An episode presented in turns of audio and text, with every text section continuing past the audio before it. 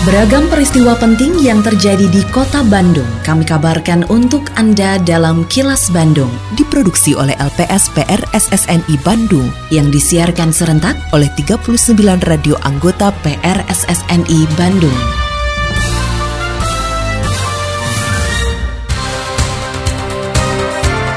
Sejumlah informasi aktual kami hadirkan untuk Anda dan inilah informasi utamanya. Tekan kasus stunting kewilayahan didorong gunakan aplikasi e-penting. KPID ajak media penyiaran bijak sampaikan informasi hadapi pemilu. Ratusan penyandang disabilitas bakal meriahkan peringatan Hari Disabilitas Internasional. Saya, Santika Sari Sumantri, inilah kilas Bandung selengkapnya.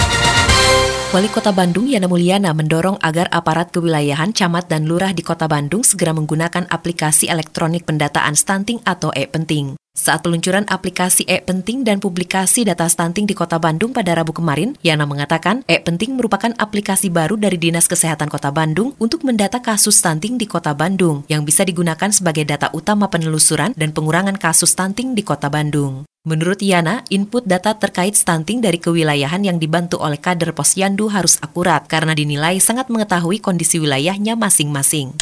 Para camat dan dapat memfasilitasi agar aplikasi ini menjadi satu sumber data terintegrasi yang dimanfaatkan seluruh komponen pemerintah maupun masyarakat di Kota Bandung dalam penanganan stunting. Jadi hal yang penting tentunya input data dari teman-teman kewilayahan sehingga akurat akurasi data lewat stunting ini bisa menjadi bahan bagi kita semua. Warga Kota Bandung diimbau tidak berperilaku euforia untuk mencegah lonjakan kasus COVID-19 karena pandemi belum usai. Kepala Dinas Kesehatan Kota Bandung, Anhar Hadian, mengatakan kasus COVID-19 di Kota Bandung saat ini kembali mengalami kenaikan, sehingga upaya pencegahan perlu dilakukan secara maksimal. Menurut Anhar, pemerintah kota Bandung cepat mengantisipasi dengan menyiapkan beberapa langkah, di antaranya melakukan pembatasan kegiatan masyarakat sesuai aturan level 1 dan mengkaji kembali penyediaan tempat isolasi terpusat, serta terus menambah persentase vaksinasi. Pasalnya, akselerasi penanganan dan vaksinasi COVID-19 kepada masyarakat menjadi program prioritas Dinas Kesehatan Kota Bandung saat ini. Selain itu, Anhar kembali mengingatkan masyarakat untuk tetap mematuhi protokol kesehatan.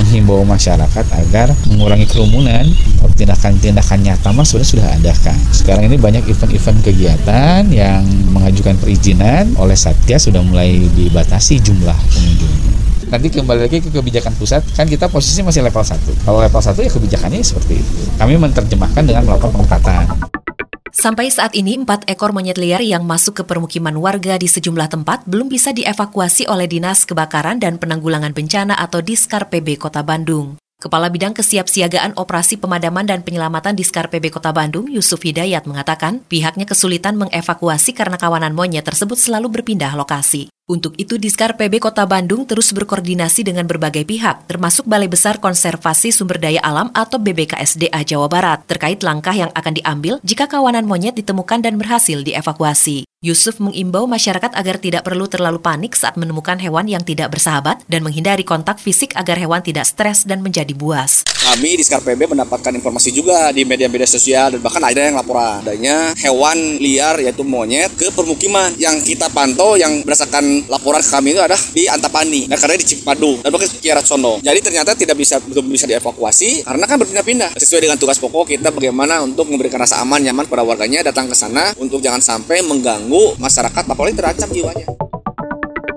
Rasun wargi Bandung, penyakit mulut dan kuku atau PMK yang menyerang hewan ternak seperti sapi, kambing, domba, dan babi sangat cepat penularannya antar hewan ternak. Tetapi kita tidak harus khawatir karena tidak menularkan kepada manusia. Dengan berbagai upaya preventif dan kuratif, kota Bandung saat ini sudah tidak ditemukan lagi kasus PMK atau nol kasus. Tetapi hewan yang sembuh PMK masih berpotensi sebagai sumber penular. Maka dari itu, kita tetap harus waspada terhadap PMK. Dengan selalu menjaga kebersihan kandang, lakukan vaksinasi PMK, laporkan ke DKPP bila ditemukan kasus air liur berlebihan atau luka pada kuku ternak Anda. Apabila membeli atau memasukkan ternak dari luar kota Bandung, pastikan bahwa ternak tersebut sehat dengan bukti surat keterangan kesehatan hewan atau SKKH yang dikeluarkan oleh dokter hewan berwenang daerah asal serta sebelumnya mengajukan rekomendasi pemasukan dari DKPP Kota Bandung.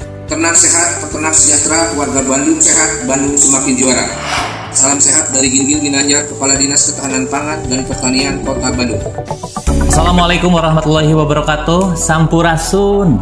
Dalam rangka meningkatkan promosi pariwisata, Disput Par Kota Bandung selalu menghadirkan informasi terkini dengan beberapa media yang digunakan untuk Instagram Live dilakukan setiap hari pada Instagram TIC.Bandung untuk siaran radio reguler setiap hari Jumat pukul 13 waktu Indonesia Barat untuk konten, foto, video, dan konten lainnya ada pada Instagram TIC.Bandung. Buat Anda yang ingin mencari informasi secara langsung, dapat langsung mengunjungi kantor turis Informasi Center di empat lokasi. Lokasi satu di kawasan Masjid Raya Bandung, Jalan Asia Afrika nomor 78, lokasi 2 di kantor reservasi kawisata Stasiun Kereta Api Bandung, lokasi 3 di Bandara Husein Sastra Negara, dan lokasi 4 di Salapak Microshop Jalan Insinyur Haji Juanda nomor 10A Bandung. Mari dukung kemajuan pariwisata di Kota Bandung dengan follow Instagram di ic.bandung. Hatur nuhun. Wassalamualaikum warahmatullahi wabarakatuh. Iklan layanan masyarakat ini dipersembahkan oleh Dinas Kebudayaan dan Pariwisata Kota Bandung.